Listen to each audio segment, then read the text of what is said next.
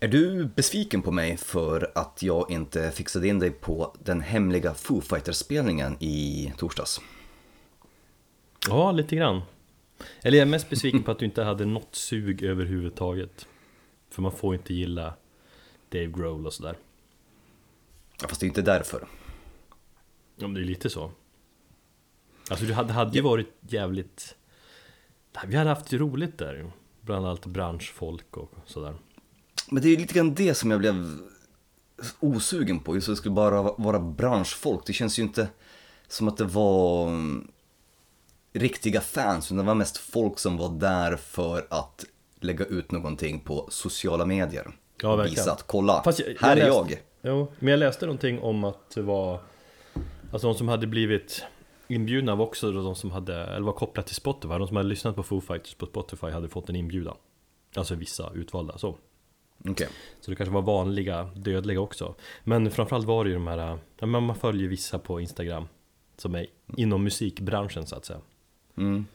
Eh, och alla la upp, åh vad häftigt eh, Kling la ju upp något klipp på när Dave var ute i, på golvet och röjde loss Då var det typ en kille i publik som stod bredvid och röjde och så var det 50 pers runt omkring med kameran uppe och filmade Exakt det jag också tänkte på. Då kände jag, vad i helvete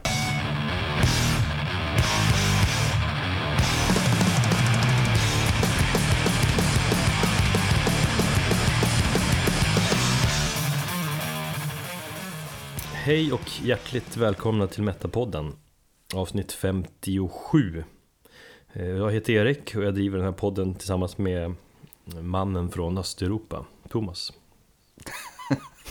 Hur är läget? Jag ser faktiskt ut, det är bra tack, jag ser faktiskt ut som en um, östeuropé eh, med mitt hår och speciellt när jag körde backslick som jag hade i morse. Mm. Och så med mustaschen så här, som inte riktigt hunnit växa på sig riktigt än Då blir det lite sådär polsk känsla Ja, ja den kommer. Lagom till, till uh, unge nummer två så kommer jag ha en fin ståtlig manlig mustasch. Du, vi har ju ett ganska fullmatat avsnitt denna gång också Va? Ja, det tycker jag. Eh, vilket är skönt. Ja, så jag tänkte vi får köra igång Om inte du har någonting annat du vill säga Eh, nej, absolut inte. Jag tänkte bara säga att jag är lite avis på dig som faktiskt haft en, en vecka för dig, för dig själv.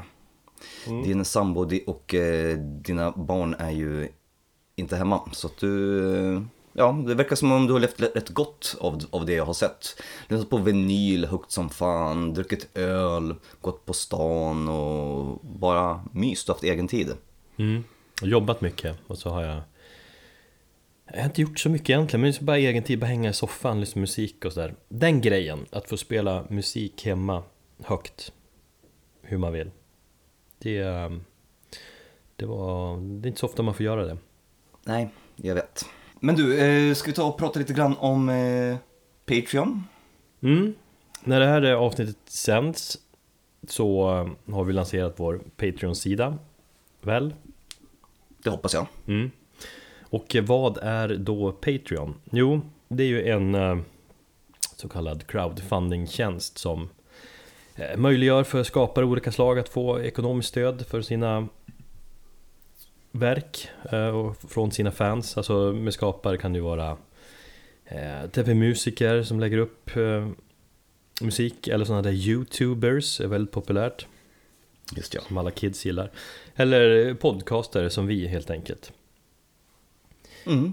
Eh, och man har alltså möjlighet att för en liten peng eh, per månad eh, stödja oss och eh, beroende på vilken nivå man väljer eh, kan få olika typer av belöningar. Eh, och exempel på belöningar då att vi, vi tackar er i, i podden och att vi kommer älska er för all framtid. Eller att man får exklusiv Metalpodden merch. Eh, eller har möjlighet att bestämma innehåll i våra avsnitt. Eh, kan bestämma en programpunkt i ett avsnitt. Eh, ni kanske vill utmana oss och tycker att vi ska prata om ett speciellt band eller någon speciell skiva. Eller göra någon sån här kul lista av något slag. Ja, eh, möjligheterna är oändliga. Men ska vi tillägga, så man får göra det om man vill. Eh, om man inte vill så är det lugnt. Då kan det vara lugn också, vi kommer inte att att förändra någonting med podden så. Vi kommer fortsätta som vanligt och allt kommer finnas tillgängligt. Vi kommer inte sälja oss. Nej, exakt. För vi har, vi har ingenting att eh, sälja. Du har din röv att sälja. Ja, precis. Det är väl det enda och den är inte speciellt intressant. Dålig valuta på den. Jag vet inte. Du, du la ju upp din röv på Instagram i somras. Ja, just ja. Finns den kvar? Det fin den finns kvar. Mm, kan man gå in och titta där på Thomas röv. Jag var lite besviken på mig själv för att jag hade så pass gubbig röv. Ja, men du börjar ju bli eh, gubbe också. Ja, jag har för mig, eller liksom, jag tänkte men det här, jag har en spänstig, spänstig stjärt liksom och sen så såg jag den så bara, fan vad gubbig den ser ut.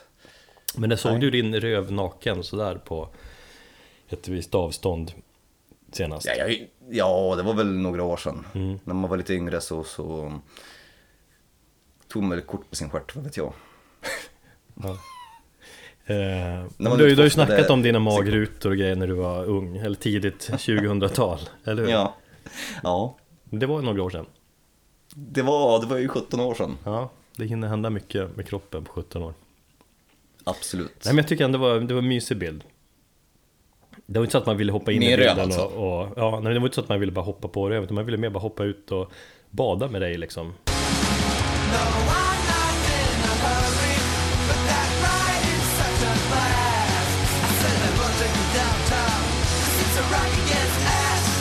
Vidare till eh, en ganska så tragisk och hemsk händelse. Och ehm, här vill jag ju då också vakta mina ord för att jag har redan hamnat i diskussioner med, med, med folk och eh, eh, om just det här, om det här ämnet. Och det är ju Decapitateds eh, eh, ja, åtal om eh, gängvåldtäkt eh, gentemot en kvinna. Mm. Ehm, jag tror inte det är så många som har missat det. Det har ju stått lite överallt. Ja precis, det är inte bara inom met metalvärlden här och um, jag var lite kanske att jag, ja, jag ville undvika att prata om det därför att just att det är ganska så känsligt. Men, men så kände jag att ändå att, nej det finns några saker som jag vill säga om det. Eh, och det är väl kanske det som, de diskussionerna som jag har eh, hamnat i. Jag brukar inte ge mig in i diskussioner men just i den här, jag vet inte varför, men just i den här eh, situationen så, så, så hoppade jag in i väldigt många diskussioner och pratat med folk. Eh, vilket egentligen inte har gett mig någonting mer än irritation. Så att ännu en gång har jag fått konstatera att tjabbla med människor på internet det är totalt meningslöst. Jag gillar dock att du ger dig in i Facebook-debatter och sånt där. Trots att ja. du hatar Facebook, men det är bra. Ja, precis. Det, jag går emot lite grann vad, jag sa här förra, förra gången, i det förra avsnittet. Men, men just här, jag kunde inte, kunde inte låta bli. Um, det är, alltså, ren, rent ut sagt, det är en förjävlig händelse och visar sig att de är skyldiga, då tycker jag att de ska förtjäna det grövsta straffet som finns. Skär av könen på dem, kasta ut dem i havet. Eh, men... Det, tycker du det? Det säger alla. Tycker du det? Vadå? Ja men så, bokstavligt talat så. Ja, alltså jag tycker det är ganska, ganska vidrig handling om det visar sig att det är rätt. Eller att, att, det, är, eh, att det är sant. Jo men skära snoppen av dem och slänga ut dem i havet. Det är väl kanske också någon, ja okej okay då. De förtjänar sitt straff i sådana fall, absolut. De förtjänar ett straff, vilket straff det vill inte jag avgöra. Nej. Jag vill bara visa att jag, vad jag tycker om själva ja, det agerandet ifall det skulle visa sig vara rätt. Men det är inte det det handlar om, utan det här handlar om hur diskussionen går på nätet och hur eh, folk verkar redan ha dumt åt bägge hållen. Nu mm. låter jag som Trump som säger uh, eh, there are people eh, on, on both sides that are bad. Nej, min, min, min stora, mitt stora problem är att folk hoppar in i diskussionsfält och eh, använder sina åsikter som fakta. Och vi snackar om att det finns de här männen och den här själva kulturen av machomän i kommentatorsfälten som skriker om att det här är eh, kvinnor som bara vill bli kända, som är horor, allt möjligt och är bara ute efter uppmärksamhet och gör detta för att få fem minuter i, i rampljuset, vilket är vidrigt. För det spär bara på och man ser hur, hur fler och fler män liksom buntar ihop sig gentemot kvinnor och hur den här kulturen, och speciellt inom, inom metal, ser ut. Men samtidigt hur de människorna som anklagar bandet och har direkt dömt bandet när det egentligen inte finns några som helst... Vi vet inte vad som har hänt än. Och jag undrar, är det så svårt att begära någon form av sunt förnuft att man väntar tills all fakta har kommit ut innan man lägger någon form av mm, ja, dummande i det här. Mm. Jag tror att det är väldigt svårt. Jag vet att många reagerar i affekt och det gjorde jag också. För det, är, det, det här alltså, jag har till och med i diskussioner blivit anklagad för att men du, du kanske ska sluta se upp till ditt favoritband. Det här är inte mitt favoritband. Alltså jag skiter fullständigt i deras musik. Så jag blir bara tanken på att vi spelade ja, mm, decapitated musik här, här innan sommaren gör att jag känner mig lite liksom, illa till mots. Mm. Bara den här handlingen, så den har ju absolut påverkat en på alla Men grejen, jag tycker bara att jag väntar med ett omdöme, eller jag väntar med ett dömande innan all fakta ligger på bordet. För det än, än så länge så finns det ju ganska så knapphändiga uppgifter. Och många väljer att gå in på just de här Metal Sucks Blabbermouth, Metal Injection och allting och som egentligen är musikbloggar som tjänar eh, ja, pengar på klick och, sprid, och som, som lägger ut den här, till exempel Metal Sucks vet jag gjorde, om det var Blabbermouth, lägger ut liksom delar av en artikel bara för att spinna vidare på det och gör, du vet, dela upp det mm. och få in mer trafik till sina hemsidor. Det är, liksom, det är ju ingen som egentligen har gått till ursprungskällan som vilket var Washington Post och läser där. Utan ja, det kanske var lite mer utförligt där i och för sig, men eh, så mycket mer står ju inte där väl? Nej, det gör det inte, men, men där är det i alla fall ganska så ordagrant eh, nedskrivet hur händelseförloppet har varit under den här kvällen. Eh, jämfört med till exempel ja, de här bloggarna och musiksidorna som egentligen skriver lite mer sens sensationalistiskt. Mm. Så att eh, Ja, ja, jag vet inte. Det kan dröja upp till ett halvår innan ens något åtal väcks och innan alla bevis kommer fram till borden och, eller läggs upp på bordet. Och, och, och fram till dess så är det ingen som egentligen kommer veta men, mer än de som var på bussen. Mm. Ja, det är lite känsligt, helt klart. Jag vill egentligen inte uttala så mycket om det. Man vill inte att det ska låta fel, men ja, man bör försöka avvakta lite och se om det kommer fram något mer. Och om jag förstått rätt så så har inte alla vittnen hörts ännu. Det har de säkert gjorts nu men det har inte kommit ut. Uh, Nergal, frontfiguren i Behemoth, har, har uttalat sig mm. tydligt om det hela också, att man bör avvakta. Uh, det blir lite fel kanske, i och med att han uh, han är polare med dem. Han är polare med dem, han är också polack. Och så just att men... han uttalar sig där med att nej, men jag känner dem är ju väldigt liksom trevliga snubbar är väldigt svårt typ, tänka mig att de har gjort något sånt, men eh, vi avvaktar. Ja, precis. Eh, men han skriver ju också där att han vet inte vad som hände på bussen och visar det sig att det var sant så kommer han få sitt straff. Mm. Eh, det, det, det är egentligen det och jag tycker egentligen att att bara avvakta, och jag tror att det är det här som många som reagerar på, som jag har pratat med, att att vara avvaktande och vänta tills man har alla fakta, det tolkar många som att man tar bandets parti. Mm. Och det, det gör jag verkligen inte och det är många som inte gör det. Som vill avvakta utan man ser, agera inte i affekt, vänta tills du har allting, sluta tro saker och, och, sluta bygga upp dina egna teorier om vad som hänt för du vet inte. Nej. Och det gäller ju egentligen vilket brott som helst och, och, och skulle du råka ut för en, för en grej själv så skulle du kanske också vilja avvakta tills all, all fakta är ute innan folk börjar döma dig. Ja, nej men det är ju alltså, samtidigt är det så media funkar, man skriver de här rubrikerna och folk engagerar sig och det är svårt att hålla sig lugn och avvakta till ett halvår eller år senare då rättegången är. Mm. Då, har, ja. då har det liksom svalnat. Ja, precis. Och man får väl någonstans ha tilltro till, till systemet, till rättssystemet.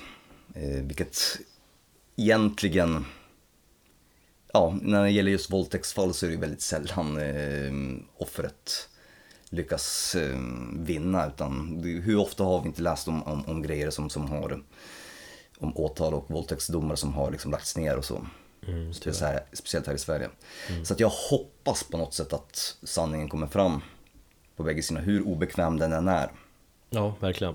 Ja, det är en följetong som lär fortsätta framöver, så vi får väl kanske återkomma framöver. Precis. Det slutligen vill jag bara säga att oavsett hur utgången blir så känns det som att eh, just kvinnan har förlorat. Eh, därför att skulle det visa sig att hon har ljugit eller kommit på den här händelsen så kommer ju det ge leg legitimitet till ännu fler män i kommentatorsfält som kommer bunta ihop sig och, och, och, och ja, gå emot kvinnor på något sätt. Det är som att de skulle få, få rätt, vi visste det.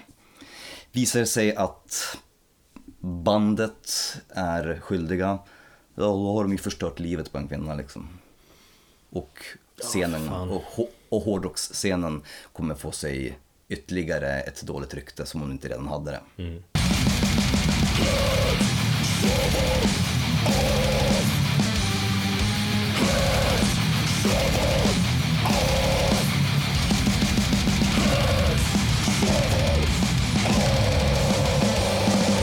Dead Express Dave vill ju att vi festar med honom. Trummisen i Dead Express, precis. Precis. Eh, när det här avsnittet släpps, eh, torsdag den 21 september, då är det en dag innan deras eh, debutförlängdare kommer. Bloodsucking Queen, som vi nu hade en tävling här om. Här om sistens. Eh, och de har ett en releasefest i Nyköping som han har Ja, han har tjatat på oss att vi ska komma och jag tyckte att det vore skitkul och eh, festa med honom och åka dit. Av praktiska skäl så går det ju inte för oss. Mm, ja, alltså sen går det ju inte heller för att du har ju slutat dricka. Ja, jo. Det, det är sant. Men eh, jag kan vara rolig ändå, faktiskt. Du drack så mycket det- finöl i somras. Så du vill inte dricka öl igen. Det är bara tillfälligt.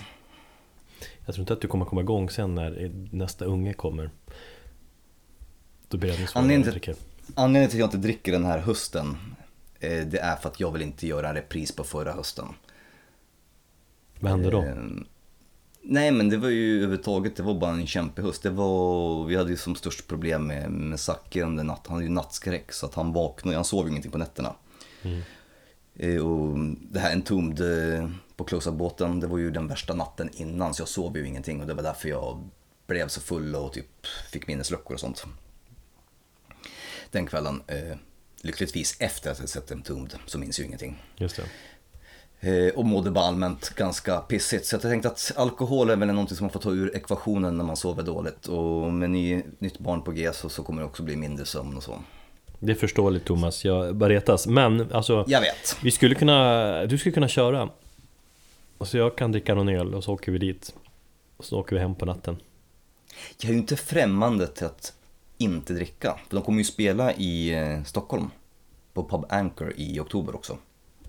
Just det. Så vi har, så vi har en möjlighet att ehm, se dem då. Mm. Men jag vill bara säga, jag tror att det är jättekul att festa med dem för att det där bandet verkar helt galna och jag får, får känslan så varje gång jag pratar med, med David och han berättar sina, sina historier om, om hur, de, ja, hur, de, hur det gick till när de spelade in sin första EP och sådär.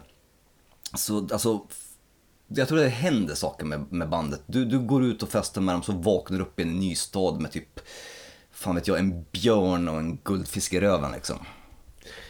Det vet jag fan. De är, de är ju typ, snittåldern är väl några år äldre än oss va?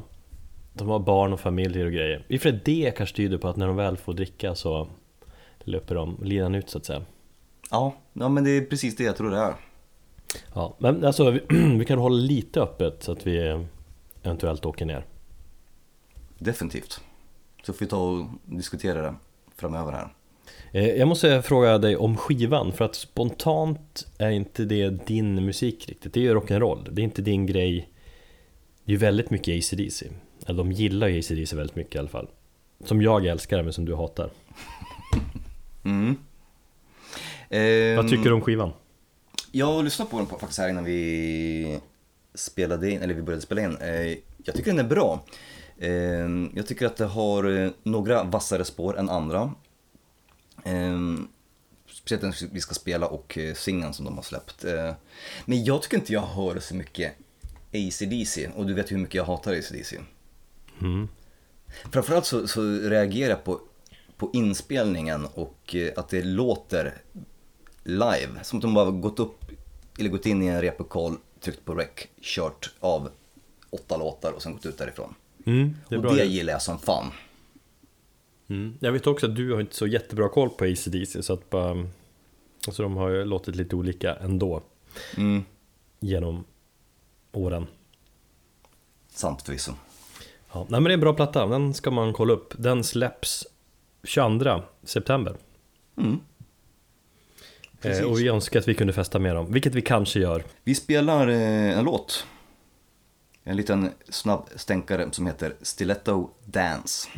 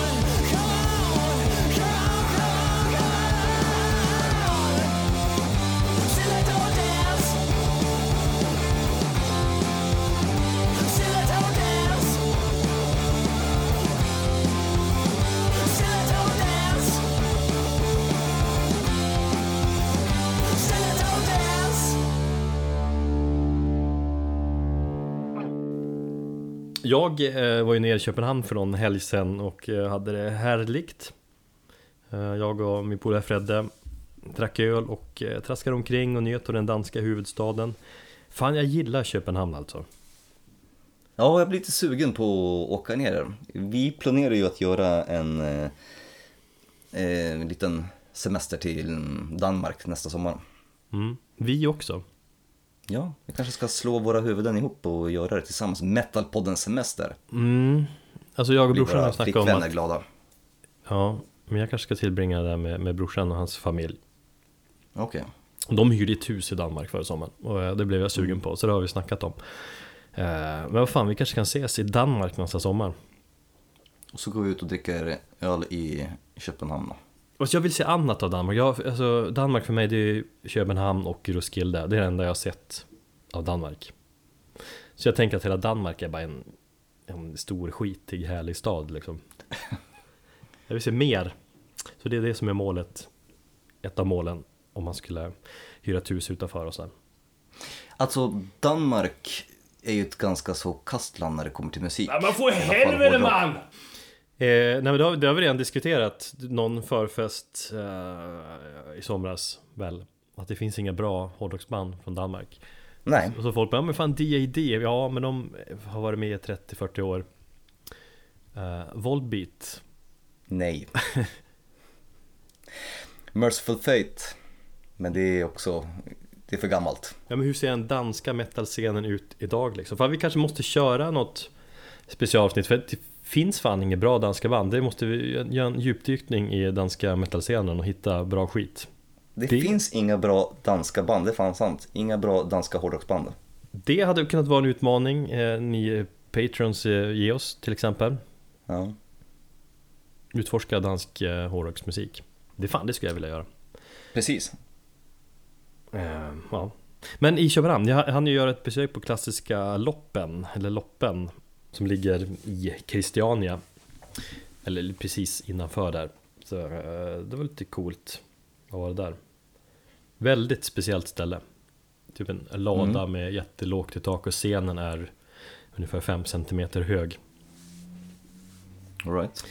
Ehm, och där såg jag El Camino. Som var El Knugo. Ja, vi körde på El Knugo uttrycket där i Köpenhamn.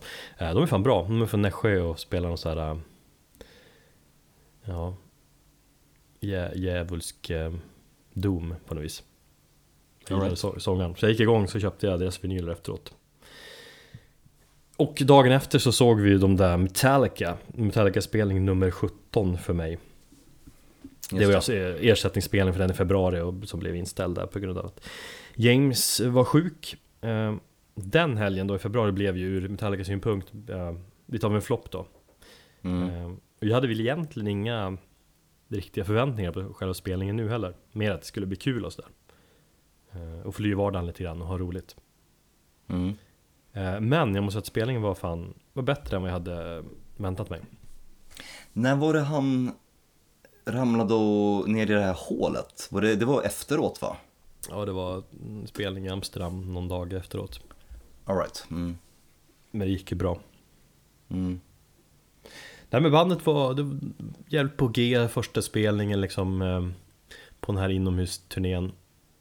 Och eh, ja, med ny, den här nya scenen och så, så kändes det som att Och sen som att de hade De kändes inspelade och tajta liksom Tajta Lars Ulrik eh, Nej men eftersom de kommit från deras USA-turné så var de, kändes de att eh, Det märktes på något vis Ja men det var bra playlist, alltså den var Det var intressant och spännande playlist kan man säga. Det var, mm. det var mm. kanske inte den ultimata setlist säger man kallar det. Eh, var inte, inte ultimata setlistan men den var, var klart intressant ur ett liksom Metallica perspektiv Det var ja, med detaljer som att de spelar Fight Fire with Fire istället för Battery eh, Eller Blackend och spelar Through the Never som de inte har spelat på många år Och så spelar de mm. Dream No More för första gången, eller för andra gången någonsin Riktigt right. jävla tung och, och nedstämd live En av mina fa absoluta favoritlåtar där från Hardwired to Self-Destruct Då körde de budgie-covern Bread Fan jävligt bra. Ja, just ja. Och The Day That Never Comes From Death Magnetic och lite annat smått och gott sådär. Eh, men det som framförallt gjorde spelningen jävligt bra, det var ju deras nya scen. För de hade ju en scen i februari också som stod mitt på golvet. Så att alla ser lika bra från alla sidor och så. Ehm, Precis, man kunde stå runt den. Ja, och där de har, en sån scen har de ju haft tidigare också. Mm. Hade de 2009, hade de 96, hade de Ja, det är väl de gångerna. Eh, men just det visuella där i februari var tråkigt, lite konstigt. Det var en stor skärm uppe i taket, typ och så en på scenen och så var Det var som att det inte funkade riktigt. Det var inte särskilt lyckat. Men nu har de kostat på utav bara helvete. Med en ny, helt ny så här, visuell scen. Och man gillar ju när Metallica ändå lägger lite krut på sådana saker. För det har de inte gjort de senaste åren. Då har de liksom tagit bort eld och, och bomber och så, kört med massa jävla lasrar liksom. Men var det inte någon spelning där de var totalt avskalat och de bjöd upp publiken. Så stod, fick hela publiken stå på scen med dem. Mm, det var senast i, ehm, på Ullevi, som inte jag var på. Alright. Då körde de jävligt basic och ingen eld eller ingen bomb överhuvudtaget. Och bara, men på Stockholm Field som du såg också kör de ju så här massa laser. Alltså det, Just ja. Laser, det får, det liksom, det får housefolket hålla på med kan jag tycka. Precis. Det ska vara eld. Ja. Nej men just den här scenen, nya scenen jävligt coolt. Det var på varje sida av scenen, alltså fyra sidor, så hade de, som man beskriver men typ tio kuber som hängde upp i taket. Så, så de här kuberna kunde de hissa ner och hissa upp. Eh, kunde bilda olika mönster i och varje del, varje sida av kuben eh, var en skärm. Lite svårt att beskriva men jävligt coolt. Gå in på Metallicas YouTube-kanal och, och kolla in. Eh, och så har de, kör de Elmas Eldian och till och med Bomber. Det vill man ju ha, när man ser Metallica så vill man ju att de ska kosta på och köra bomber. Men bom, bomber, på vilket, på vilket sätt då? Nej men att det smäller. Okej. Boom! Mm. Det har de slutat med de senaste åren. Och, eh, kanske för att det kostar för mycket. Eh, nej men jag är jävligt nöjd. Det var bra. Jag är jävligt peppad till eh, nästa spelning i maj då, eh, Globen. Du skrev någonting på sociala medier om att eh, de hade någon drönare. Mm. Precis, det var också en sån här grej. Under Moth Into Flame så var det alltså Moth som, som flyger upp i, i luften som var små, små drönare som är programmerade, alltså typ 20 stycken som fly- flyger omkring i ett mönster i, i luften. Svincoolt. Men det var någon som ut en skrev bild på det till och med. Ja, det gjorde jag. Mm. Eh, fast det var någon som skrev att vad fan, det där körde ju Lady Gaga på hennes förra turné typ. Men det var, det var coolt. Det var såna här grejer, då vet man att de ändå har satsat lite liksom på teknik och så för att göra någonting nytt. Det låter onekligen coolt. Eh, Det enda som jag har en liten fråga om det är det här jag vet inte om det var någon form av mellanspel där de, ja precis de här hålen öppnades och ut kom det, upp, vad var det, fyra stycken trumset. Ja, fyra trummor precis. Eh, Var det, var det bandet som spelade på dem? Ja, det är Eller någonting. Det... det, har de kört på USA-turnén också. okej. Eh, För Jag vet inte om det var, var det Kling kanske som filmade det och jag bara, vad- ointressant det såg ut. Mm. Jag har också tyckt att det sett jävligt eh, ointressant ut eh, när jag kollat på USA-klippen här. Det är ju under Now That We're Dead-låten som de, som de stannar upp. Men det var, när man såg live var det ganska kul. Man såg liksom att ja, men det är sån här för rolig grej att göra och James eh, verkligen liksom njuta av det som fan. All right. För att göra det lite mer showigt sådär. Var Lars Ulrik tight? Nej, men det är han ju inte live och det är väl det som är lite skärmen. Han, han missar på något ställe så här. Fuel inräkningen till andra, eller efter första refrängen så fuckar upp. Och det var- såg inte så bra ut för att då har de tajmat in med eld. Du vet, give me fuel, me fire, det där. Och då ska det liksom boom, boom. Och då bara räknar han fel. Eller de, de kör det dubbelt så långt eller något sånt där så det fuckar upp.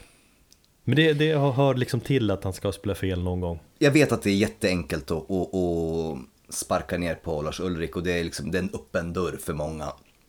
Men jag har en genuin undran. När började folk göra det? När blev han liksom allas hackkyckling? För att han var väl inte så jäkla otajt. Okej, han har väl kanske aldrig varit någon supertrummis. Men jag satt här var det för, för någon, ja jag tror det var när du var i Köpenhamn så satt jag och kollade på, på Metallica gamla eh, klipp från 80-talet när de spelade på olika festivaler och sånt där och då hade han ju åtminstone- konditionen och, och, och liksom styrkan att köra. Är det, är det det? Är det på grund av att han blivit gammal eller? Ja, nu är inte jag trummis men, nej men så här är det väl Av de trummisar jag känner Mm. Som hatar Lars Ulrik Jag, hade ett jobb i Umeå där eh, det jobbade tre eh, trummisar Mm. Och eh, varje rast Alltså så här typ eh, klockan nio rasten och lunchen och eftermiddagsrasten I hur länge jobbade jag där? Typ två, tre år så fick jag försvara Lars Ulrik Okej. Eh, de har väl sagt, eller så Master of Puppets är han fortfarande Där gör han bra grejer, spännande grejer liksom Utvecklar det. Mm. Sen tappar han väl lite intresset efter det Så där, de flesta erkänner, men Lars Ulrik var fan intressant fram till dess Kanske en Justice for All också Men om man kollar typ Seattle 89 klassiska live-DVD som var de också släppt officiellt Det är jävligt bra Jag tror kanske att det har att göra med efter liksom Black Album där att han blev liksom den här rockstar-killen som hade den här vita skinnjackan och umgicks med Axl Rose och blev den här divan. Då bör folk känna att fan, nu är inte Metallica så coola längre. Och den jävla dansken med sin brytning, han är ju ganska liten och, och dryg. Mm. Eh, Så där någonstans, och sen liksom efter med Load-turnén och sånt där Att, eh, ja, men då, han har ju själv erkänt liksom herr Ulrik att han inte har lagt ja, la inte lika mycket krut på trummorna och öva som han gjorde i sina yngre dagar liksom. Ja. Trist. Men han, men han har aldrig varit en bra trummis så liksom. Han har varit en, en medelmåttig eh, trummis för att, vara, för att spela i världens största hårdrocksband och spela den, den formen av eh, hårdrock de spelar. Om man jämför med många andra trummisar inom den genren så får han ju stryk. Men jag har alltid hävdat då att storheten med Lars Ulrik är inte trumspelet. Så. Uh, ja, förutom fram till typ Monster of Puppets och And Justice. Utan det ligger ju att han är en så jävla bra låtskrivare. Mm. Och så är folk bara, men det är fan inte sant. Alltså, vem, alltså, det är James som skriver liksom 90% av alla riff och grejer. Han hade kunnat skriva det själv utan jävla Lars Ulrik. Kan de tagit in Lombardo eller vem som helst så hade det hade blivit lika bra ändå. Men då, då ljuger man ju för sig själv. Alltså, om man kollar liksom behind the scenes-klippen som släpptes nu inför senaste skivan Hardwired to Self-Destruct där. Mm. Så är det så jävla tydligt vem som arrangerar och, och liksom styr bandet. Det är ju James och Lars som har skrivit liksom skivan. Robbie på sidan om, Kirk var inte närvarande. Men om man kollar på klippen så är James alla riffen, men det är ju Lars som bestämmer. Det är ju han som säger så här ska vi skriva, så här, lägg det riffet där. Det är där i hans storhet ligger. Om man inte kan erkänna det så är man ju lite tantig. Ja. Jag minns när jag hörde Massive Puppets för första gången och just eh, trummorna. Grät! Ja men trummorna i Battery. Mm. Det var ju så jävla mäktigt. Det var, det var ju någonting som inte jag hade hört tidigare liksom. Nej. Så att eh, det var bara någonstans där, det var bara en genuin undran faktiskt. För att jag är, som sagt, Metallica Death! Du, hur går det där med alkoholen? Det går ganska bra. Märks det eller? Jag... Ja, du börjar, du börjar bli lite övertaggad. Ja. Jag gillar det fan. Nej men jag går igång på Metallica också. När ska vi ja. köra Fyllepodden förresten? Skulle vi verkligen göra det? Alltså folk kanske tycker lite töntigt men det, de här de större poddarna har ju kört fyllepoddar och sånt där. Kan vi inte köra Heroinpodden? Man går inte direkt på heroin sådär. Jag, är fan, jag måste skaffa lite, eller hämta lite mer rom. Jag köpte en fin rom igår som jag tycker är väldigt smaskig. Så att jag springer upp, hämtar den och sen fortsätter vi sen.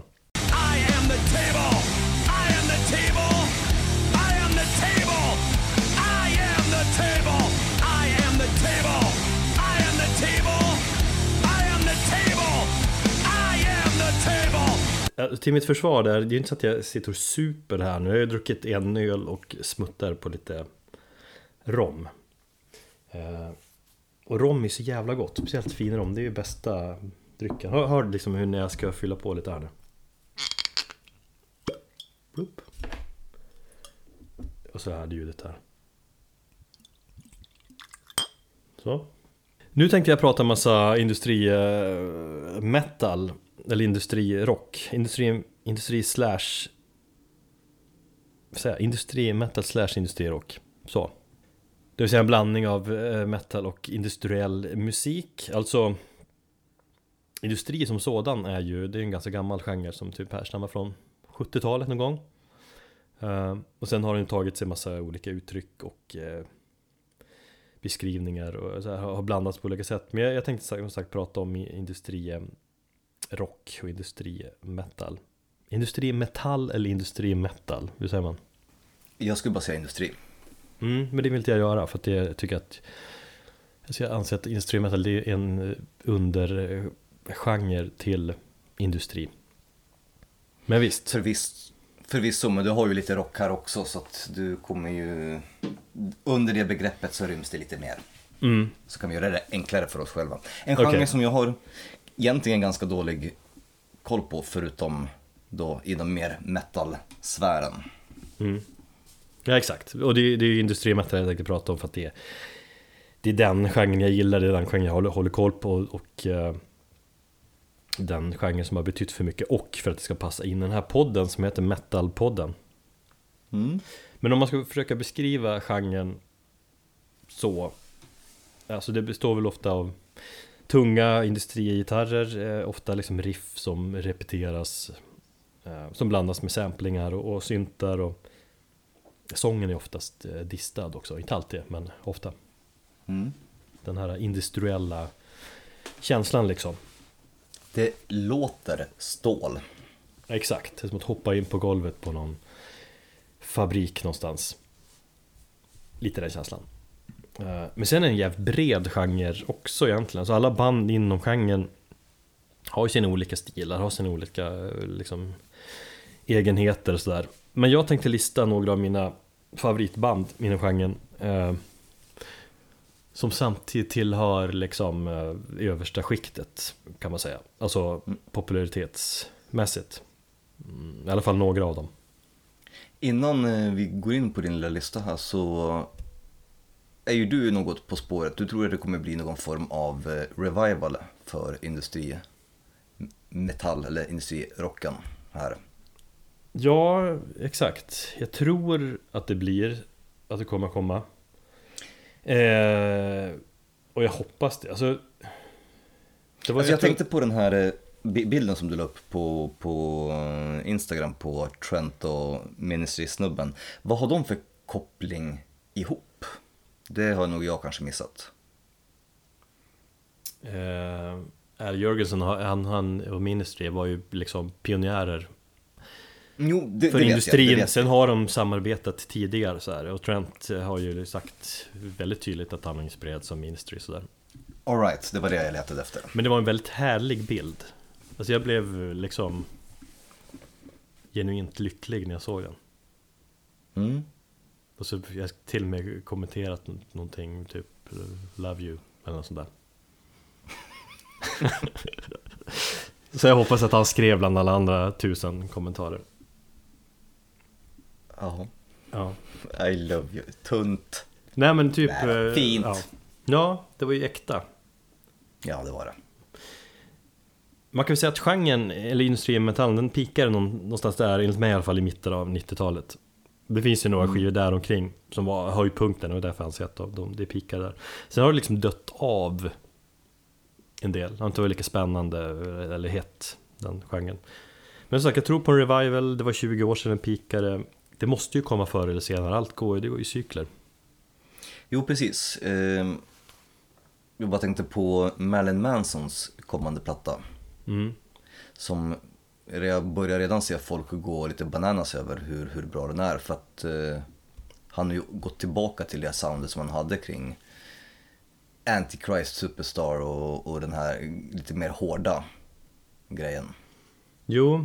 Så att eh, med, med honom så kanske, ja jag vet inte, Ministry kommer, ja jag vet inte, få ett uppsving och, och så. Men det är som du sa också att det finns ju egentligen inga nya band inom genren, eller? Nej, ja, det finns, alltså jag har jättedålig koll. Det är därför jag liksom jag får säga, vi får fråga våra lyssnare. Så att jag har jättedålig koll på vettiga industriband inom genren idag. Så då menar jag sagt nya band, nya förmågor, inte de här 50-åriga gubbarna. Har Manson har han fyllt 50? Eller han är typ snart 50? Jag tror han är över 50. Ja. Så om du som lyssnar har lite koll, får, får gärna tipsa oss om bra nya förmågor inom industrimetall. Mm. Jo. Eh, men, men vad jag liksom anser, liksom, förutom att jag, jag gillar genren jävligt mycket och därför vill jag ha revival så, men anledningen till att jag tror på en revival också är ju att det var jävligt populär genre ju. Alltså, det är ändå, de sålde ju ändå, man räknar upp alltså, miljoner album. Mm. Och inspirerar massa band. Fan, eh, Mötley Crüe släppte ju typ en industriplatta där liksom mitten av 90-talet. Hade ändå en del eh, bra grejer. Eh, och ett band som Rammstein, det är ju liksom De slog ju typ igenom precis där eh, piken hade varit. Och de, ja. de räknas ju väl som industriell metal också. Jag läste en artikel idag om att de kanske nu ska göra sin sista platta och sen lägga ner. Ja, det får de väl göra. Ja, jag har aldrig varit speciellt intresserad av det bandet Nej, inte jag heller. De är lite såhär uh, industri light på något vis. Fast bra, mm. bra liveshower och sånt där.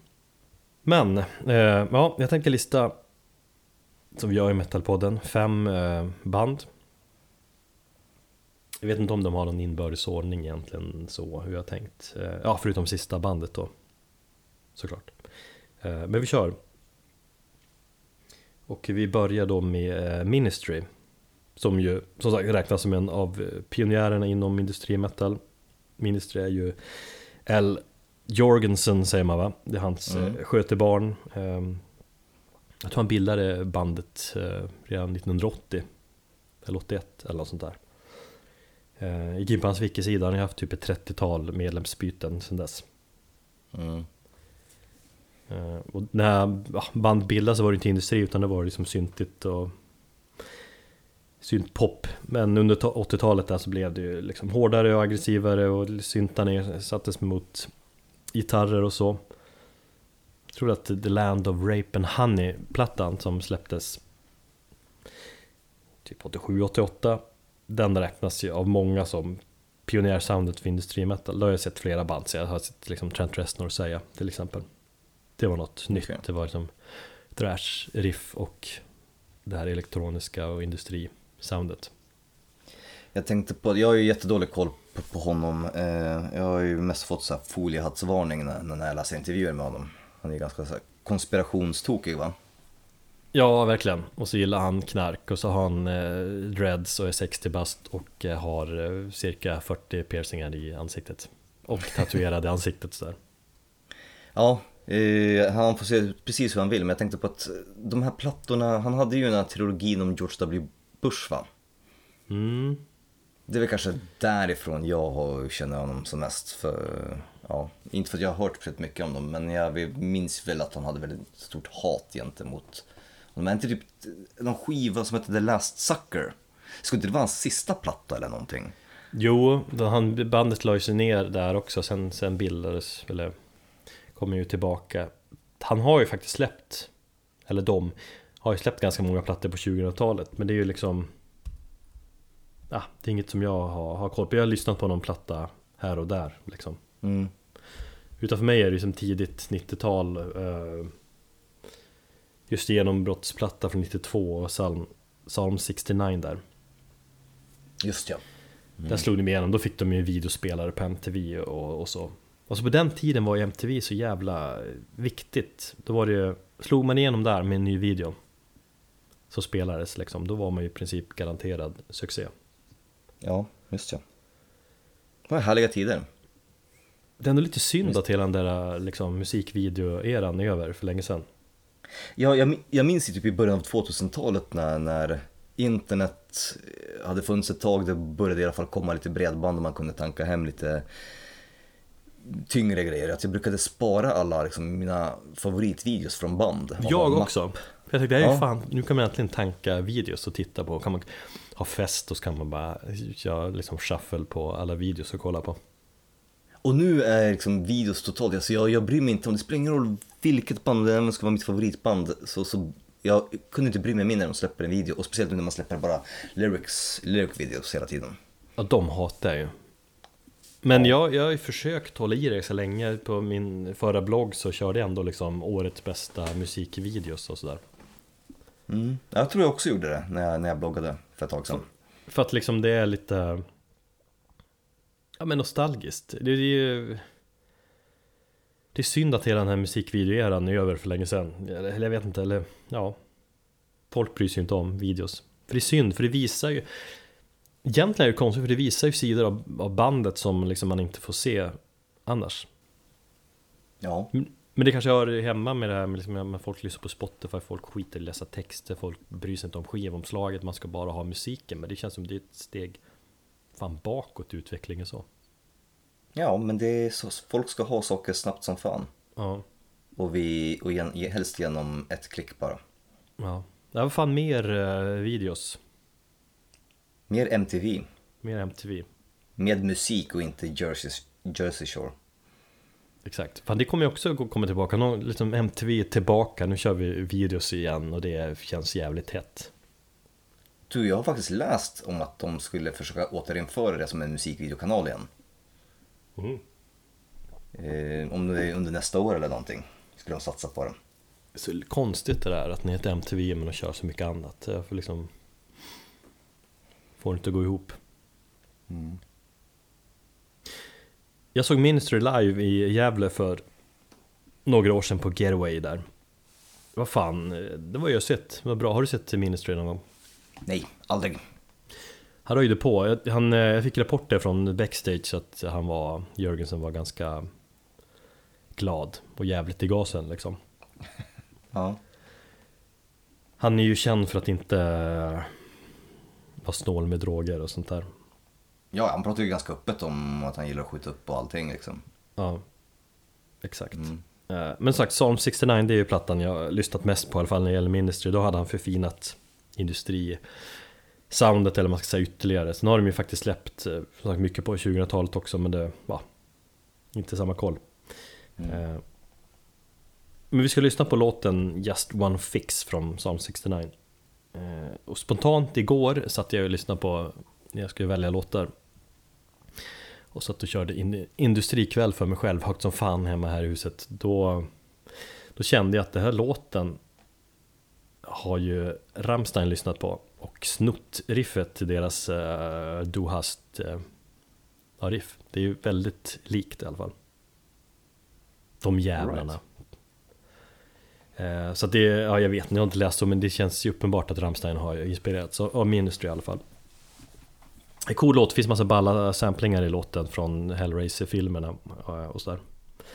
Eh, Och just ja, jag snackade med en kollega som, eh, igår när jag läste om när de spelar in den här skivan. Då fick, fick de eh, 750 000 dollar för att spela in skivan. 750 000. Ja, stod det Mm. på en länk där. Eh, Men då spenderar de 1000 dollar per dag på knark istället. Såklart. Hur, ja, men hur fan gör man det? 92 släppte, kanske spelas, ja 91, 92 där. Då, alltså 1000 dollar. Det är fan mycket pengar. Ja, men det var också en tid då skivbolagen kunde strössla pengar över sina artister.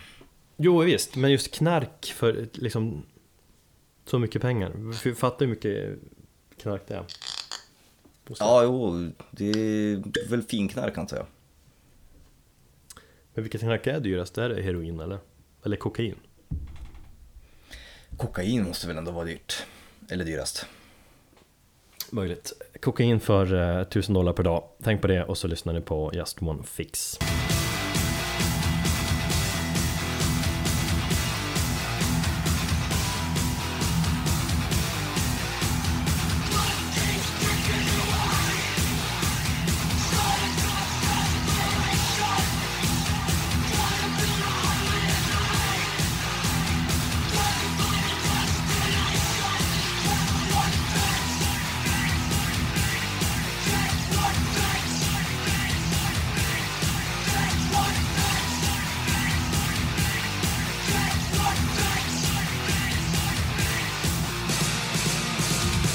Snacka Joakim Tåström. Äntligen fick jag in honom i den här podden. Sveriges största rockstjärna genom tiderna, eller hur? Ja, det vette fan alltså. Vad har du för liksom inställning till Tåström så? Jag tror vi aldrig snackat Tåström överhuvudtaget du och jag. Eh, Jag har, eh, ja, jag har egentligen inte sån jättestor inställning överhuvudtaget till honom. Jag tycker Skebokvarnsvägen är en fantastisk skiva och den har jag haft många, Ja, cool. många mysiga stunder till och både hjärtesorg och, ja, mest faktiskt eh, hjärtesorg till den skivan faktiskt. Eh, Även Kärlek för dem tycker jag är fin, men sen därefter så tycker jag att han är, har blivit jätte, jättetråkig och gubbig. Och Ebba Grön och, och Imperiet och sånt där, ingen musik som jag egentligen har lyssnat på för det var för punkigt för mig. Ja men det finns ju som säger liksom, jag har hört liksom när han blir presenterad till Sveriges enda riktiga rockstjärna och sånt där. Mm. Eh, Men jag kan ju hålla med om det, det är, han har ju varit med ändå i 40 år. För han slog väl igenom, alltså Ebba Grön, det var ju slutet av 70-talet liksom, eller andra senare delen av 70-talet. Och sen har han varit liksom konstant intressant och utvecklande. Jag kan hålla med om att senaste plattorna har blivit lite gubbiga, men det är väl inte så konstigt. Han är, börjar ju bli gammal och grå. Mm. Han har ju varit aktiv och stor sen liksom 70-talet med Ebba Grön Imperiet och, och, och solplattor. Och så är han ju en En skygg man så Och han gillar ju liksom inte egentligen det här kändisskapet På något vis. Nej. Eh, Och det kände han väl där liksom i, i slutet av 80 Början av 90-talet att Nu skiter jag i det här, då flydde han landet, han bodde i Köpenhamn några år, så bodde han i, några år i Amsterdam också. Fan när jag var i Köpenhamn då tänkte jag på honom. Eh, Mm. Då gick vi på Västerbro och Sönder Boulevard. Ah, det är därifrån de låtarna kommer. Exakt, han är just textraden som han sjunger typ eh, Köpenhamn är bra om man inte vill vara med Kan gå flera dagar här utan att man pratar med en person eller en själ eller vad han sjunger Bra imitation där också. Ja Och så jag tänkte att fan det är, ändå, det är ändå dit man vill någonstans Leva i hemlighet I Köpenhamn Och gå på sina fula barer. Han har ju nämnt väldigt många barer senaste åren i sina låttexter. Alltså det är riktiga mm. fulbarer. Så är det så bara... fan är det här för ställe? Sånt gillar jag. Mm. Det känns genuint när, när man, när, i hans texter, just när han sjunger om, om platser som han har besökt liksom, som om det vore bara en helt vardaglig händelse. Exakt, så att ni som vill liksom eh, besöka en massa fula barer kan ni kolla in eh, Tåströms texter va? Mm. Eh, vart var jag någonstans? Jo, när han bodde i Amsterdam Då startade han ju industri, rockbandet Peace, Love and Pitbulls eh, Som han hann släppa eh, tre skivor med innan de la ner Det är ett band som de fick tror jag, typ väldigt lite uppmärksamhet i Sverige överhuvudtaget. Det är lite konstigt med tanke på att det är ju liksom ändå Thåström. Men var det bra någonsin eller var inte det lite grann att folk ser det som en... Alltså bara intrycket utan att veta någonting att det kanske var lite mer av en pinsam period i hans liv. Eller i hans musikkarriär så att säga. Det var för svårt tror jag. Folk kanske inte fattade det. Nej. Och jag tror att det kanske inte lades någon liksom energi på marknadsföring och så heller. För att, eh, ja som sagt, eh, det har inte sålt något. Eller jag tror att det har sålt ganska bra liksom i Europa, Tyskland, Frankrike sådär. Tror jag spelande. Eh, men då var man i alla fall väldigt inne på den här industrin och det var, det var ju ganska noisigt och så stundtals. Så inte jättekommersiellt på något vis. Det var ju som inte de här Imperiet-hittarna som folk var vana med kanske. Mm. Men jävligt bra ändå. Jag minns liksom tydligt när jag hörde talas om bandet första gången. Då spelade bandet på Thomas Tengbys eh, vad säger man, sånt här lördagsunderhållningsintervjuprogram. Eh, okej. Okay. Du var okej? Okay? Han hade en sån. Ingen aning vad det är. Uh, nej men det måste ha varit 97 för uh, de spelade då singelspåret Caveman från sista plattan 3. Mm. Jag tyckte det var stenhårt och tänkte jaha, fan det här, det här är alltså den här Ebba Grön killen. Yeah. Så det tycker jag att man ska youtuba. Sök på Tengby och Caveman Tåström typ. Eh, så får man se och lira. Eh, så gjorde han en intervju efteråt och var sådär eh, underlig och speciell som han är. Han har ju gjort typ, det finns ju, han har gjort totalt typ tio intervjuer hela sitt liv i princip. Ja, han är ganska fåordig också. Ja, verkligen och liksom väldigt försiktig med orden och så säger någonting, ah, vet jag, jag tror nog ta tillbaka det, jag vet inte vad jag känner, så väldigt försiktig så.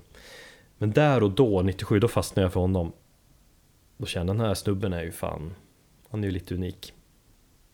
Och sen några år senare gick han tillbaka till sin solokarriär och släppte ganska hårda rockplattor på svenska innan han släppte den här Skebokvarnsvägen.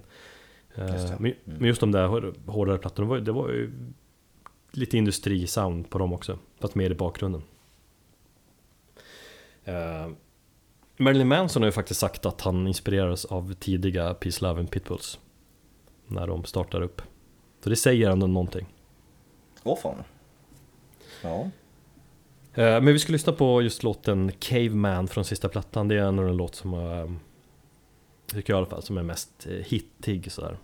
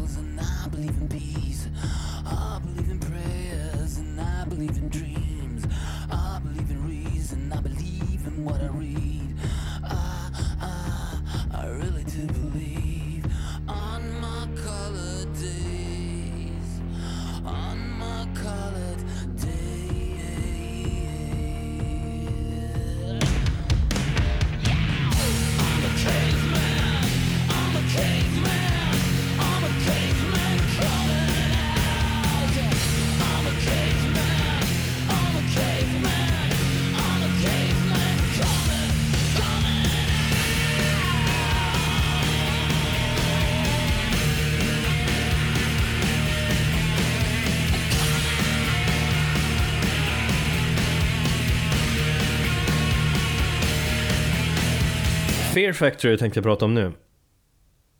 De är ett band som du också gillar, eller gillade och har lyssnat mycket på. Absolut. Eh, fan vad de var grymma där. Just under den här vågen, mitten av 90-talet fram till 99. Ja, då var det ju fan ett av mina absoluta favoritband.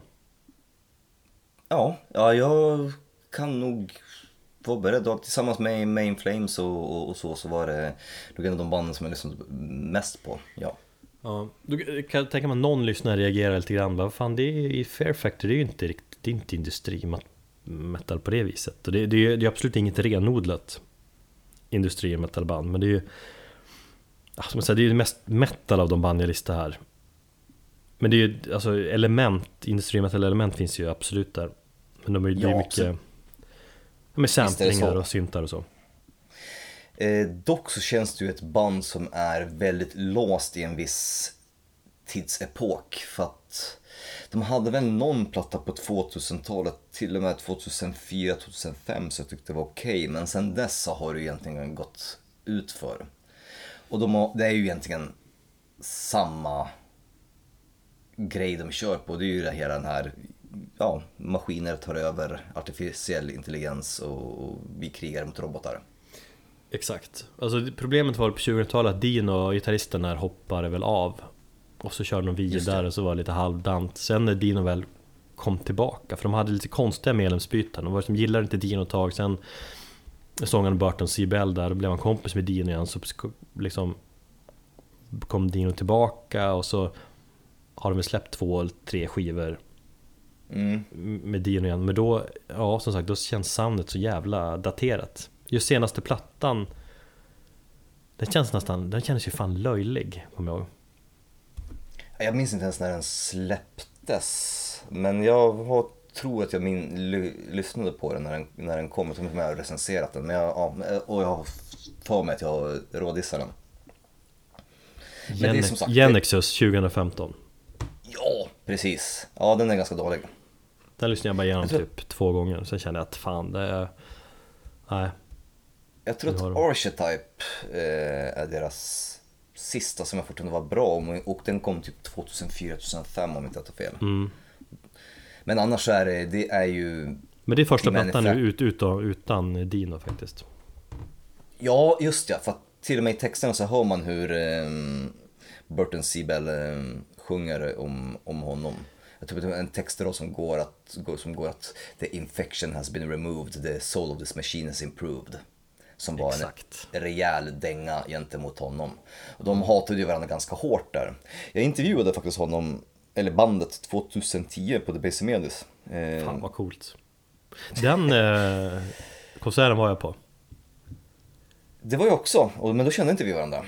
Nej, det var, det var Nej. halvglest men ändå jävligt bra röj. Folk som var där var ändå de här äh, som älskade bandet på 90-talet. Ja, alltså jag, jag tycker att Burton C. Bells cleana röst där ett tag, den var ju svinbra. På skiva ja, men Ja. eh, Inte så live, mycket live. nej. Nej men det är ju framför allt plattorna Demanufacture och eh, Obsolete som är lite kanske genrebrytande och riktigt jävla bra. Ja, jag tycker även DJ Mortal är jävligt bra. Ja, den digipacken har jag, någon sån speciallimiterad utgåva. Ja. Men sagt, det, det, det är ju visst det är ju industrimetal men det är även mycket, det är ju döds, i alla fall tidiga Fear Factory, det är thrash och det är groove. Måste man ändå medge. Groove. Det är mer teknisk skola i industrimetal skulle man kunna säga. Mm. Men framförallt tycker jag att alltså, industrin är mest Eller väldigt mycket deras texter gör att det är, ett, liksom, att det är industri Jag som är så här Precis. nördigt Terminator-fan eh, Jag har ju gått igång som fan på deras temaplattor Jag kommer ihåg att jag lyssnade på någon intervju med C. Bell på Peter Rock där med Håkan Persson eh, När han beskriver liksom temat på Digi Mortal där om att du vet eller konceptet är att i någon science fiction framtid så eh, kan man spara sitt minne och sig själv på, på disk och klona sig själv och så stoppar man in minnet så kör man vidare i sin nya klon. Um, Just ja. och det känns ändå så här, men fan, det, är- så är det ju. Eh, Och så på det sättet kan man leva för evigt. Och så är det som om de sjunger på låten Become, eller What will become, du vet det. What will become, what will we be when we can see our own eternity. Just ja. Jävlar vilket... Jag får så sjuka eh, flashbacks när jag köpte den plattan och... och alltså det, det är hela, hela det här året, det är typ 99, 2000, Matrix var populärt, det var så coolt. Och hela, alltså internet och det här med att eh, fan, framtiden är här. Och, och, och det är något nytt spännande och vi kommer mm. kunna leva för evigt och bli digitala människor liksom. Ja men det var verkligen digitala åldern där kring millenniumskiftet med, med internet och allt det där så kändes allt så jävla future så jag köpte ju det rakt av. Så han läspar Burton C. Bell också. Ja det gör han. Eh, jag kommer ihåg en gammal Kerrang-tidning Typ eh, mitten av 90-talet så var det liksom eh, eh, Rob Flynn och eh, Burton C. Bell typ gjorde upp på, på omslaget och så fick de, gjorde intervju och så fick de så frågor ja, vem skulle nita vem? Och så Burt Sibel bara, alltså jag skulle få så jävla mycket stryk av Rob Flynn, han är ju gammal så gängledare och sålt knark, jag är ju bara en tönt från Kalifornien. uh, och då kände jag, vad är han det? Och så lyssnade jag på en intervju som sagt med honom och så hur han läspar och liksom snackar om det här framtids Terminator-samhället typ och kände jag, fan vilken nörd. Mm. Men ändå jävligt kung. Ja, nördar gillar vi. Ja. Eh, men samtidigt känns det som att de var före sin tid. Eh, jag tror att de inspirerar väldigt många nu metal-band. Eh, och så just det, hans varierade sångstil mellan growl-teknik och ja, men, skön sång eller vad man ska säga. Det, det kör ju många metalband med på, ja, men, om man kollar 2000-talet och hela metalcore och det där är jävligt vanligt. Alltså jag minns att jag gick igång på Dinos trumspel. Eller vänta, Nej, Johan är trummis. Nej, han är gitarrist. Eh, trummis är Ray, Raymond Herrera eller något sånt där. Så var det, just ja. Eh, för han, hans eh, baskaggesmattor på, på de tio plattorna. Så jävla snabbt liksom. Han var ju typ... Det, ja. det låter så mekaniskt när han kör liksom. Så det låter ju som att musiken är en typ en robot. Ja, exakt. Man bara står på golvet i en industri någonstans. Eh, mm. Så. Han var ju fan typ ett av de, en av de bästa trummisarna på 90-talet. Så han är ju inte med längre, han hoppar av där någon gång i början av 2000-talet. Men vad gör han idag liksom?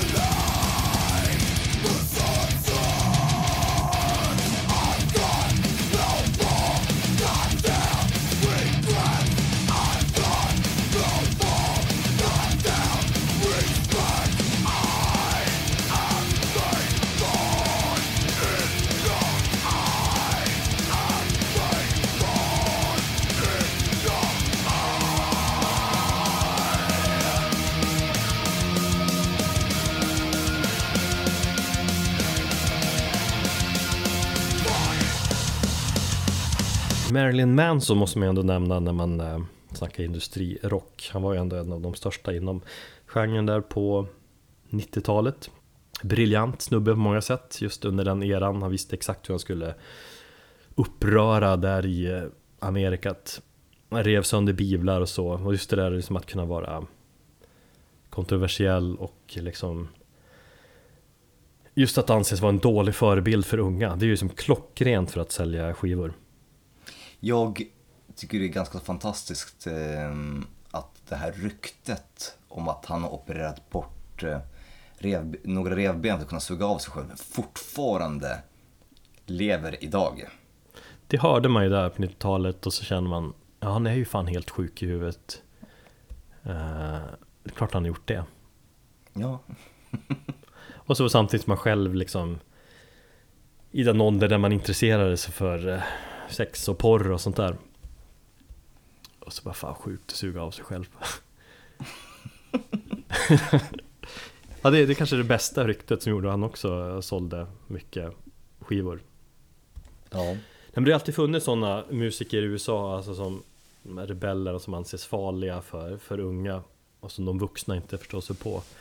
Eh, och han var ju verkligen det på 90-talet, Marilyn Manson. Vem har den rollen idag? Har skrivit upp här, att fråga dig. Eh, Vi- alltså vilket roll- band upprör idag? Jag har ingen aning. Alltså det är ju ingen som upprör och chockar på det sättet, för det, för det har redan gjort. Utan nu är det ju egentligen, alltså den här posterboy, posterboy för att vara liksom ondska och sånt. Nej, det existerar inte längre, utan det är väl något band som bara allmänt dekadent och, och, och trasiga.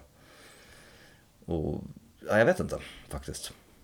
Men då, det var ju som kristna högern förföljde dem, eller följde dem på turnén och, och alltså Stod där med sina biblar och grejer eh, och skyltar Och så bara en sån sak, jag tänker ungdomarna bara Fan, Marilyn Manson ska vi se det... Men alltså- Behemoth, är de upp... Rör de upp känslor i... eh, I staterna när de är där idag? Ja, jag tror inte det på samma sätt. De rör ju mer upp känslorna i så fall i, i sitt hemland och i så fall i religiösa europeiska länder.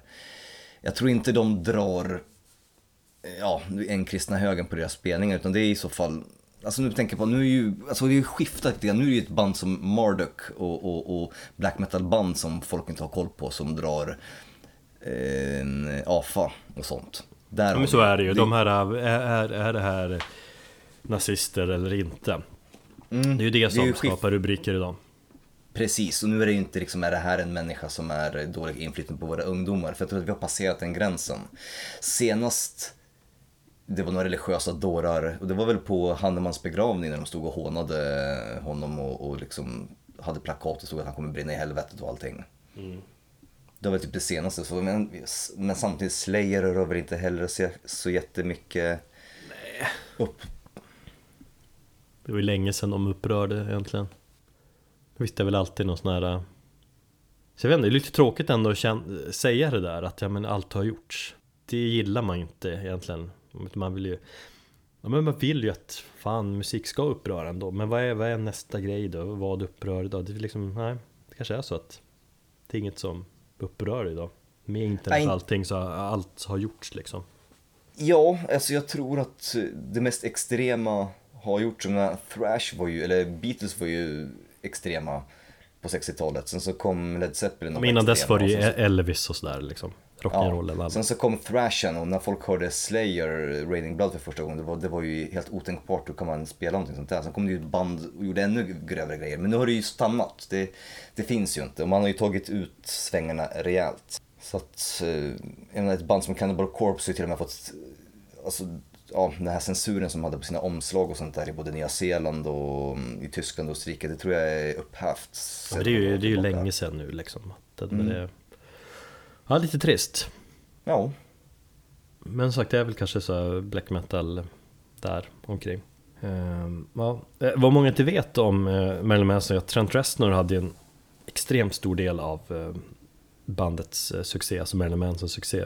Jag tror inte att bandet hade blivit så stor, stora utan Trent. Han eh, signade ju bandet till eh, Nothing Records där och så Trent producerade de två första skivorna och eh, ja, även den där EPn där mm. Um, han skrev också mycket musik och så de två första skivorna där Eller nja, någon skiva fast spelades in i Nothing Studios Som Trent hade Eh, Så Trent har ju varit en stor del av skapelsen Marilyn Manson Var han med och spelade in eh, Antichrist Superstar? Ja Han har skrivit flera låtar på skivan och eh, flera Mm. så här eh, Mycket dåvarande Nine Snails medlemmar har ju varit med liksom och eh, gjort grejer på, på den skivan. Sen har de ju haft ett komplicerat förhållande Marilyn Manson och Trent Reznor sen dess. De, är, de var ju vänner då. Eh, Marilyn Manson har ju varit med i Nine Inch Nails videos och eh, sen har de blivit ovänner, snackat skit om varandra, sen har de blivit vänner igen och Marilyn Manson har hoppat in och gjort inhopp på liksom Nine Inch turnéer och så har de blivit ovänner igen. De senaste åren känns det som att de har glidit från varandra extremt mycket. Jag tror att någonstans när, när Trent nyktrade till i början av 2000-talet och började lyfta skrot och käka äpplen som jag brukar säga. Och göra dålig musik. Eh, ja, till viss del. Om jag jämför med 90-talet, ja. Eh, Ja. Så har ju som Mel Manson i för inte heller varit nära vad han skapat på 90-talet men då har han ju fortfarande knarkat på och eh, ja, kanske inte mått så bra heller men han är ju, ja, knarkar ju och, och dricker och sådär. Mm. Jag hörde en intervju med eh, Bret Easton Ellis, författaren du vet, som har skrivit American Psycho och massa annat. Han har en podd eh, då han intervjuar Marilyn Manson och Manson dricker absint konstant och känns bara så jävla sluddrig och känner att den här gubben måste ju fan nyktra till någon gång. Eh, men det är lite trist att Trent och Marilyn Manson är lite så här. eh, Det är lite kittlande, leka med tanken att de ska göra någonting ihop igen. De kanske gör det nu när det blir revival. Möjligen. Vem vet? Begra- begraver stridsyxan. Eh, jag kom i kontakt med Marilyn Manson för första gången jag fick låna en skiva, eller en CD-skiva. Det var ju Antichrist Superstar. Eh, och än idag så tycker jag faktiskt låten Tourniquet är jävligt bra. Ja, jävligt bra låt. Just textraden, eh, ja nu minns jag exakt hur det går, men I'll be your tourniquet och så, så går går vidare. Det var något som fastnade och som jag än idag ja, bär med mig på något sätt. Mm. Ganska coolt för CD-skivan som jag lånade, den hade ju 99 spår. Ja, de höll ju på så här på 90-talet. Korn gjorde också såna här grejer. Mm, och så, jag menar, det är ju 12-13 låtar på den, så är det spår 99 är det ju något, något bakvänt man hör honom prata i bakgrunden eller någonting, så är det någon, någon meddelande eller någonting. Mm. Och Inch Nails har också gjort såna här grejer att, att, att digitala åldern och sånt sätt att fan, vi gör de första spåren helt tysta. Vi gör, vi gör 99 spår, bara så idiotiskt. Precis. Men som då känner, bara sett det? Så bara, det är typ gömda spår och sista låten, det är liksom det Låt slut på spår 13, sen är den sista spår 98. Det var skitjobbigt att trycka fram, men det är jättecoolt. Det skapade ju mest bara problem för en när man hade sin minidisk där eller bärbara CD-spelare. Ja. Men höjdpunkten i, i Marilyn Mans karriär måste man ju ändå säga är Antichrist Superstar. Ja. De släpptes 96, briljant platta fan. Eh, upplagt som en eh, rockopera. Säger Mm. man väl. Alltså det är, det är typ Jesus Christ Superstar fast det är liksom antikrist som får makten och eh, sänker världen. Men det är ju briljant. För, för kristna högern som blev tokiga liksom. Vad är det här? Antikrist på turné. Det här måste vi stoppa. Sen har jag läst att skivan är en del av en trilogi med eh, Mechanical Animals och Holy Wood. Eh, de två skivorna som kom efteråt. Fast det ska visst vara en omvänd trilogi. Det vill säga att den börjar med Holy Wood och avslutas med Antichrist eh, Superstar. Men eh, Marilyn Manson, så de är ju aktuell med en ny skiva. Heaven Mm. Upside eh, Down eller vad fan det ska heta. Den Ja, som skulle hett Satan.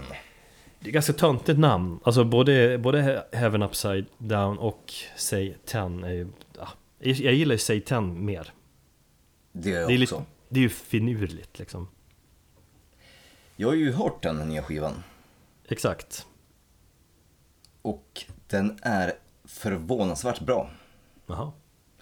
Eh, framförallt så har ni kommit tillbaka till det här skitiga soundet. Idag så såg jag även eh, videon och eh, lyssnade på singeln till eh, We know where you fucking live. Har du också sett videon? Jag såg den igår. Mm. Eh, den känns, alltså det känns ju både liksom estetiskt och allting att man går tillbaka till den tiden då han var som, som populärast och kanske som, som, som mest obscen. Han, eh, videon går ut på, eller han, han har sällskap av ett gäng eh, nunnor i, i tajta läderoutfits och eh, stora skjutvapen. Och så skjuter de sönder en bil och så tar de sig in i ett hus där de tvingar sig till sex med en eh, Familj. kristen familj typ, får man känslan. Mm. Kan det uppröra 2017? Kanske? Nej, det gör det inte. Men ändå lite så här, den, den, liksom Ja det är ju så här varningsmeddelande man slår igång videon, där ska du inte titta på på jobbet. Ja, Och precis. Not safe for work. Nej, men låten är bra, skivan är bra. Framförallt så märker man att han har fångat och försöker fånga lite grann av den här tidiga, mm, tidiga känslan i karriären. Framförallt det här med att jag tror det är tre eller fyra spår som har eh, siffror i sig. Som jag pratat om förut som var jävligt populärt på 90-talet. Mm. Say 10, kill for me. Eh, jag tror det är någon, låt som heter Jesus Crisis där eh, SN är eh, utbytta mot dollartecken och sånt där. Det känns här, sjukt mycket 90-tal. Ja. Okej, men han har ändå med Satan i en av låttitlarna i alla fall. Ja, absolut. Eh, ja, men jag, jag gillar ju singeln där, We know where you fucking live, fast med versaler. Det här, We know where you fucking live! Men vi ska i alla fall kasta oss tillbaka 21 år tillbaka. Eh, 96 släpptes Antichrist Superstar. Eh, och lyssna på en av eh, höjdpunkterna, The Reflecting God. En låt som faktiskt är skriven av den här Trent Reznor då.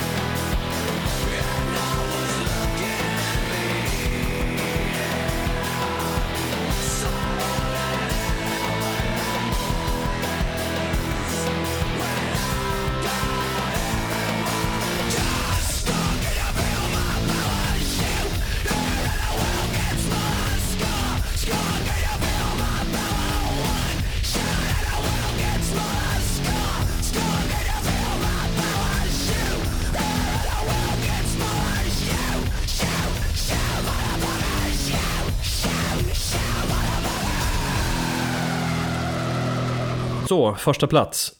För det här säger, säger jag att det är första plats. Nine Inch Nails såklart då då. Mästaren, eh, ja, mästaren inom industriell metal rock.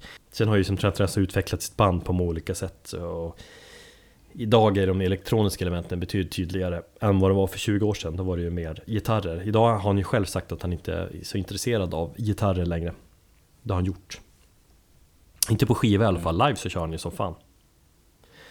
Eh, men för 23 år sedan då släppte han eh, enligt mig då den ultimata industriplattan The Downward Spiral. Där är liksom eh, produktionen och eh, de här tunga industrigitarrerna och eh, mörkret alltid liksom i perfekt eh, symbios. Var det 94 den kom sa du? Ja, precis. Mm, Just ja. Jag frågade väl dig om den, om den när jag tittade på Narcos här, här i veckan. Ja, just det. Ja, för jag försökte Eh. tidsbestämma i vilket, eh, vilket år eh, Narcos säsong 3 utspelade sig för. Och så hade en av killarna, poliserna i DEA-agenterna, en Downward Spiral eh, t-shirt. Och tänkte, ja men 95 måste det vara. Ja, 94. Jag gillar ju sådana detaljer, där har de ändå suttit ner. Vad hade man då? Vad var inne då? Vad var coolt då? Men Mm. Nine Inch Nails, hur får vi tag på en sån t-shirt? Ja, nej men Nine Inch Nails, jag, framförallt tycker jag att Nine Inch Nails är bästa industriband eftersom de är eh, De känns mest eh, Trent laddar alltid sina låtar med, med så mycket känslor och så låtarna känns liksom mer än de andra Andra band har lite mer, det är coolt producerat och det är coola samplingar, coola gitarrer men allvaret och liksom dramat är så mycket tydligare i Nine Inch Nails musik tycker jag Mm. Det är inte bara coola gitarrer, inte bara coola industrielement utan det är, det är känslan som är där. Och för att tydliggöra det så ska vi lyssna på slutdelen av eh, trasiga Eraser från Downward Spiral som menar, för mig handlar det om ett, ett förhållande som snabbt går från kärlek och lycka till ett totalt mörker. Den är ganska jobbig att lyssna på. Ja, den är krävande. För den är skränig och, och, och bara mycket oljud. Mm, och framförallt det här liksom tyngden i liksom i ångesten i plattan. Och med det så säger vi eh, tack för oss. Och så säger jag lycka Absolut. till till dig Thomas, att hur du ska få ihop klippningen på det här. Det ska bli kul och eh, som vanligt så kommer jag sitta och vara överpeppad när jag klipper och skicka en massa sj- sjuka meddelanden till dig. Men eh, till nästa gång så kanske vi kan prata om eh, ja, en liten förhandslyssning som vi har varit på, om vi nu ska gå. Just det. Ja, Men det, det tar vi då helt enkelt. Och så ska vi prata om Windhand också. i, när spelar de? De spelar nästa lördag. Nej, på fredag spelar de. Nej, på lördag spelar de. Det minns jag inte. Fredag eller lördag. Coolt. Vi måste ju säga tack till Martin som har sponsrat oss med två stycken biljetter. Din sjuka jävel. Tack som fan. Ja, det värmde otroligt mycket så tack för att du tycker att vi är så jäkla grymma att du vill ge oss två biljetter. Det värmer. Ja, verkligen. Till eh, nästa gång så får ni helt enkelt ta hand om er. Och eh, tack för att ni lyssnar.